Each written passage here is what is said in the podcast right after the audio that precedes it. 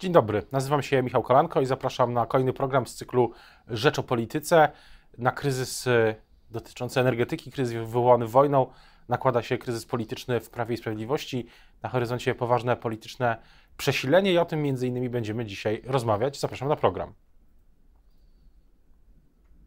Dzień dobry Państwa i moim gościem jest dzisiaj profesor Ewa Marciniak, Uniwersytet Warszawski. Dzień dobry. Dzień dobry. Właśnie, co się, o czym świadczy ten klimat, klimat tej jesieni? Nie tylko chłodne, chłodne, chłodny wrzesień, ale politycznie w Prawie i Sprawiedliwości wydaje się, że to jest taki moment pewnego poważnego przesilenia. Jak, jak pani to, to mija już e, dokładnie 7 lat od e, wygranych przez PiS wyborów w 2015 e, roku, właśnie jesienią 2015. O czym to dzisiaj świadczy? Ta dyskusja o zmianie premiera, o dymisjach, te kłótnie, których echa słyszymy. No właśnie tak, jak pan redaktor o tym mówi, to odniosłam takie wrażenie, że trzeba by powiedzieć, że chłodna jesień, a gorąca polityka, która na pewno rozgrzewa i polityków, ale także tą publiczność polityczną, czyli ludzi, którzy, którzy polityką są zainteresowani. Zmiana premiera to hasło, moim zdaniem, yy, jest dość yy, z perspektywy strategii politycznych dziwne i dla mnie nieuzasadnione w tym momencie, w którym, e, w którym jesteśmy, dlatego że z jednej strony może świadczyć, że rzeczywiście jest sytuacja podbramkowa i nie ma wyjścia, to się zmienia osobę najważniejszą w rządzie, czyli premiera, licząc na to, że opinia publiczna skoncentruje się właśnie na spekulacjach, kto będzie jego następcą kto nie chce być jego następcą, bo takie spekulacje już są. E, I z drugiej strony, e, no, to jest takie przykre trochę podziękowanie w cudzysłowie, podsumowanie działalności premiera Morawieckiego. To moment, nie o to chodzi. Moment jest dziwny, bo y, na taką dyskusję, ponieważ y, też pokazuje, że to nie jest coś, co było planowane, tylko musiało się spontanicznie y, zacząć, zacząć, zacząć dziać, no bo zwykle takie zmiany są, jeśli miały być planowane, to jak otwarcie nowego rozdziału, a jest jesień, to nie jest moment politycznie na otwieranie nowych rozdziałów. Ani politycznie, ani wizerunkowo nie jest to, nie jest to dobry moment, bo albo sytuacja jest podbramkowa, rzeczywiście y, jakieś wewnętrzne sondaże, czy diagnoza stanu gospodarki, czy naszego zabezpieczenia, węgiel i inne y, źródła energii jest na fatalnym poziomie, więc y, rzeczywiście być może trochę się nadziei społecznej wniesie poprzez zmianę osoby.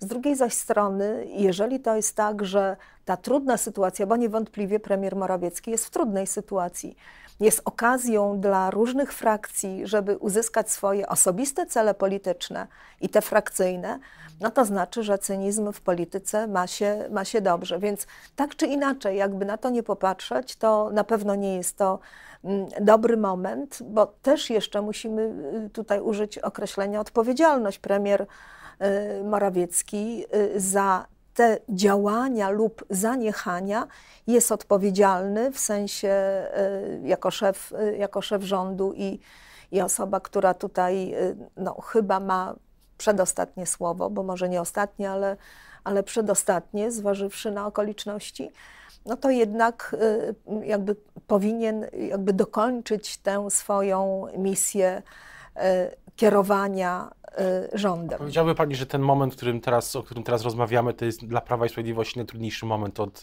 od, tak, od, od przejęcia władzy jesienią 2015 na roku? Na pewno, bo proszę zwrócić uwagę, że od 2015 roku mamy taką koncentrację na polityce społecznej, która, której zadaniem jest wspieranie różnych grup czy różnych aktywności, które jakby dotychczas y, E, może były marginalizowane w politykach e, rządów poprzednich.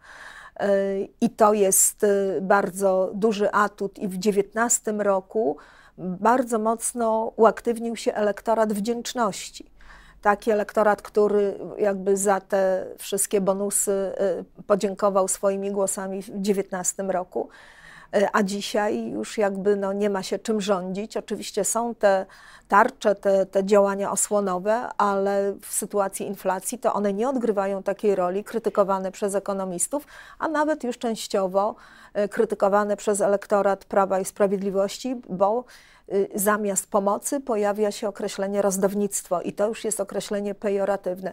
Więc na pewno bardzo trudna sytuacja dla Prawa i Sprawiedliwości, ale jest y, oczywiście z każdej trudnej sytuacji y, są dwa wyjścia. Albo coś zyskać, albo pogłębić tę trudną sytuację, czyli stworzyć sobie szansę, albo stworzyć sobie zagrożenie. Z drugiej strony politycy PiS wskazują na przykład na, jak rozmawia się w kuluarach, to na przykład przypominają sondaże, że w ostatnich tygodniach i też widać w sondażu dla Rzeczpospolitej, który opublikowaliśmy w poniedziałek poparcia, że w ostatnich tygodniach y, mm, PiS zyskało, więc z jednej strony jest ta kwestia mm, wizerunku i tej, tej atmosfery, a z drugiej strony twarde dane czasami ostatnio pokazały, że tak źle nie jest dla PiSu. I w niektórych sondażach y, są 2-3 punkty procentowe na plus. W niektórych sondażach jest konstans, ale zważywszy na bardzo trudną sytuację społeczną i ekonomiczną, to to utrzymujące się poparcie też jest swoistym fenomenem i to jest dobry sygnał dla e, rządzących, że mogą kontynuować tego rodzaju e, politykę. Natomiast rzeczywiście jakby w żadnym okresie nie pojawiały się takie wewnętrzne napięcia między politykami, rządzącymi, no bo te napięcia między Solidarną Polską a, a Prawem i Sprawiedliwością, to z tym się już oswoiliśmy, a teraz jest coś nowego, czyli te napięcia w rządzie. Czyli mamy z jednej strony wewnętrzny problem y, w obrębie y, Prawa i Sprawiedliwości i rządu, dokładniej rzecz ujmując, z drugiej strony wewnętrzny problem w kraju, czyli brak węgla i takie wytwarzanie lęku. Ja nie mówię, że wytwarza lęk rząd, ale nie redukuje. Opozycja nie wytwarza opozycja, lęku? Opozycja wytwarza lęku, także wytwarza lęk, także my mamy taką, taką sytuację, że z jednej strony mamy na tym poziomie społecznym do czynienia z wytwarzaniem lęku, z drugiej strony nie ma przeciwdziałania, żeby go no, ale koić gdyby, w jakiś sposób. politycy, y, politycy partii rządzącej no, mówią też w kuluarach, że cały ten pomysł na, na razie do wiosny przyszłego roku był mniej więcej taki, że, że właśnie te kolejne tarcze, kolejne programy rząd y, mam wrażenie, co tydzień coś ogłasza, kolejne dopłaty do prądu, tutaj ciepła, węgla, to problem węgla to jest osobna rzecz, że tak miało być do wiosny przyszłego roku, że miało być ciągłe te pokazywanie, że jest jakieś działanie, nawet jeśli ono nie zawsze jest w 100% y, skuteczne. Tylko wydaje się, że dzisiaj ta sytuacja polityczna, która się na to nakłada, ta wojna wewnątrz PiSu, mówiąc wprost, no trochę ten plan przerywa. I Y, ja skoncentruję się na tym, o czym pan redaktor y, na początku mówił, że co tydzień coś rząd ogłasza i w końcu ludzie się pogubili. Czyli co rząd ogłasza, y, wobec kogo, ile, jakie trzeba spełnić kryteria i tak dalej. To z tego się już za, zaczął wytwarzać pewien chaos i myślę, że o ile trochę prześmiewczo y, część y, opinii odnosiła się do tych slajdów, które kiedyś y, pan premier pokazywał, tak teraz takie dwa czy trzy slajdy rzeczywiście by się przydały, żeby uporządkować tę te informacje, bo to jeszcze nie jest wiedza oczywiście o tej pomocy, ale, ale tę politykę informacyjną uporządkować w taki sposób, żeby było wiadomo, co i jak. Natomiast ja rozumiem tę trudność, dlatego że okoliczności są tak dynamiczne i rząd jakby reaguje y, właśnie na te pojawiające się okoliczności.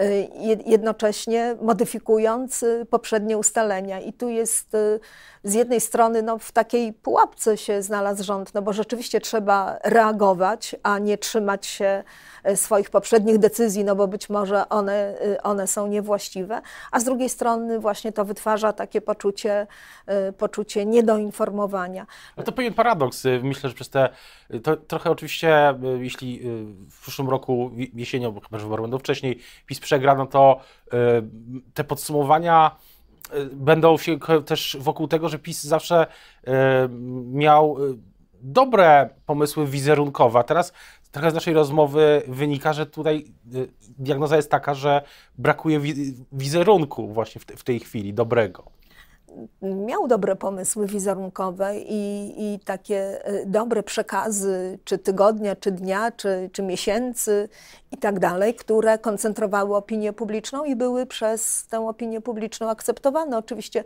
mówię tutaj głównie o tej części, która jest, e, e, zasila ten elektorat Prawa i Sprawiedliwości, ale panie redaktorze, to jest tak, że wizerunek jest pochodną tożsamości politycznej, jak ta tożsamość się chwieje, są jakieś problemy no właśnie wewnętrzne, o których mówiliśmy, no to jak to komunikować, że jest napięcie między wicepremierem Sasinem a, a premierem Morawieckim, że jeden drugiemu trochę być może tam podkłada nogę w tych, w tych działaniach? No tego nie można, nie, nie można powiedzieć. Dla wyborców myślę, że to jest nie, niezrozumiałe, bo jeśli rząd, jeśli rząd komunikował i prezes Kaczyński, premier Morawiecki i wszyscy politycy PiSu w zasadzie mniej udolnie lub bardziej udolnie komunikowali, że zależy im na tym, żeby Polaków ochronić przed tymi skutkami kryzysu, to teraz bardzo trudno wytłumaczyć i tym bardziej byłoby trudno wytłumaczyć zmianę premiera, no bo to byłoby przyznanie się do tego, że,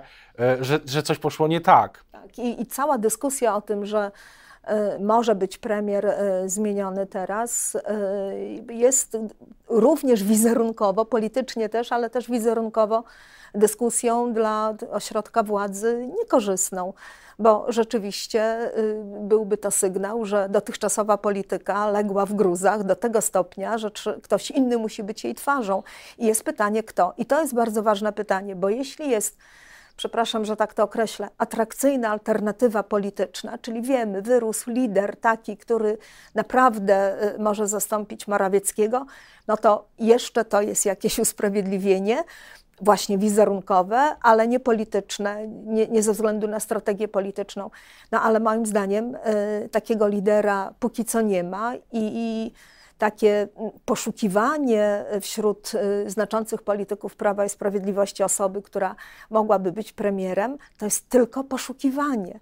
To, to też jest jakoś degradujące wizerunkowo. Lider, lider, Prawa i Sprawiedliwości jest jasny, jasno zdefiniowany. No, ale nie będzie premierem. Dlaczego? Dlaczego? nie chce. No, a może, może zmieni. Gdyby, a to byłby pewien, to byłby chyba game changer. Tak? Tak. że prezes Kaczyński w piątek może być posiedzenie władz Prawa i Sprawiedliwości, mówi, że sytuacja jest taka, że żeby to rozsądzić, to ja teraz, to ja do końca kadencji ja będę premierem. Co pani na to? To, to? Znaczy ja myślę, że nie po to odchodził z rządu, żeby wrócić, bo ma te partyjne zadania ale przed wyborami. Nadzwyczajna. Ale jest sytuacja nadzwyczajna i to byłoby jedyne usprawiedliwienie zmiany, zmiany premiera, bo każde inne rozwiązanie personalne jest, y, byłoby dla wyborców przede wszystkim Prawa i Sprawiedliwości niezrozumiałe i myślę, że też takie podkreślające, że no jednak są te wewnętrzne gry w obrębie ośrodka władzy, no i, i w rezultacie tych wewnętrznych gier, a nie potrzeby politycznej znaczącej, y, mamy do czynienia z tą zmianą. I na koniec jeszcze o opozycji. Niewiele o niej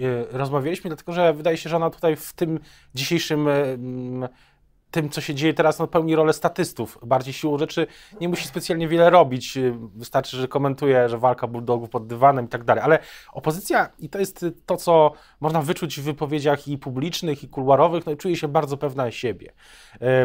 Mam wrażenie, że tam nie ma takiego dużego ciśnienia już na dyskusję o listach, dyskusję o tym, jak to ma wyglądać ta kampania. Jest duża, ale duża pewność siebie, że tak czy owak Y, wygramy. Tak, tak, tak, tak myśli opozycja, na rok przed wyborami w zasadzie y, za rok o tej porze będą już, y, będzie już w pełni rozkręcona kampania wyborcza, że jest wszystko po naszej myśli. Tak, tak myślą politycy opozycji. Słusznie? Ja myślę, że y, jest ogromna niepewność zawsze w polityce, ale oczywiście polityka jest y, stwarzaniem sobie możliwości i zarządzaniem tymi możliwościami. I opozycja wydaje się, że dzisiaj tymi możliwościami, możliwościami zarządza, ale chciałam przypomnieć teraz jedną, y, pewien fakt, mianowicie taki, że w 2000 2014 roku, y, no, nie wiem, czy on jest tutaj zasadny jako przywołanie, ale y, odnosimy się troszkę do, son, y, do sondaży. W 2014 roku Platforma Obywatelska miała 44 punkty procentowe poparcia, no to można było mieć tę pewność, że właściwie już nic nie trzeba robić za wiele. Uzyskała 24 punkty poparcia w wyborach w 2015 roku. No więc troszkę to zawodzi. Oczywiście te sondaże są względnie dobre, zwłaszcza dla Koalicji Obywatelskiej i Szymona Hołowni, bo wciąż to jest powyżej 10 punktów procentowych bez względu na sondaż. Natomiast y, y, taka koncentracja też na Donaldzie Tusku jako osobie, która jest totalnie sprawcza i jakby w cudzysłowie załatwi to zwycięstwo, y, też jest y, niedobrą strategią polityczną, bo y, jednak muszą, tak to stwierdzę, uaktywnić się liderzy lokalni, bo tam się też wygrywa wybory, liderzy ci na poziomie, na poziomie ogólnokrajowym i kiedy ludzie lubią partie polityczne, kiedy patrzą na te partie polityczne, ja użyję słowa określenia pani premier Baty Szydło, że jest jedną drużyną. I teraz na razie nie widzimy w, y, ani w mm, koalicji obywatelskiej tej, tej spójności, y, ani tym bardziej w obrębie partii opozycyjnych. Więc myślę, że jeszcze trochę pracy przed nimi, z czego, jak sądzę, sporo liderów opozycji zdaje sobie sprawę, że jest praca krew, pot i łzy. To, to będziemy, będziemy, będziemy, będziemy śledzić y, no, rok przed wyborami. Oczywiście bardzo wiele się rzeczy może jeszcze zmienić. Teraz bardzo już y, dziękuję za rozmowę. Państwa i moim gościem dzisiaj była profesor Ewa Marciniak z Uniwersytetu Warszawskiego. Dziękuję bardzo. Dziękuję.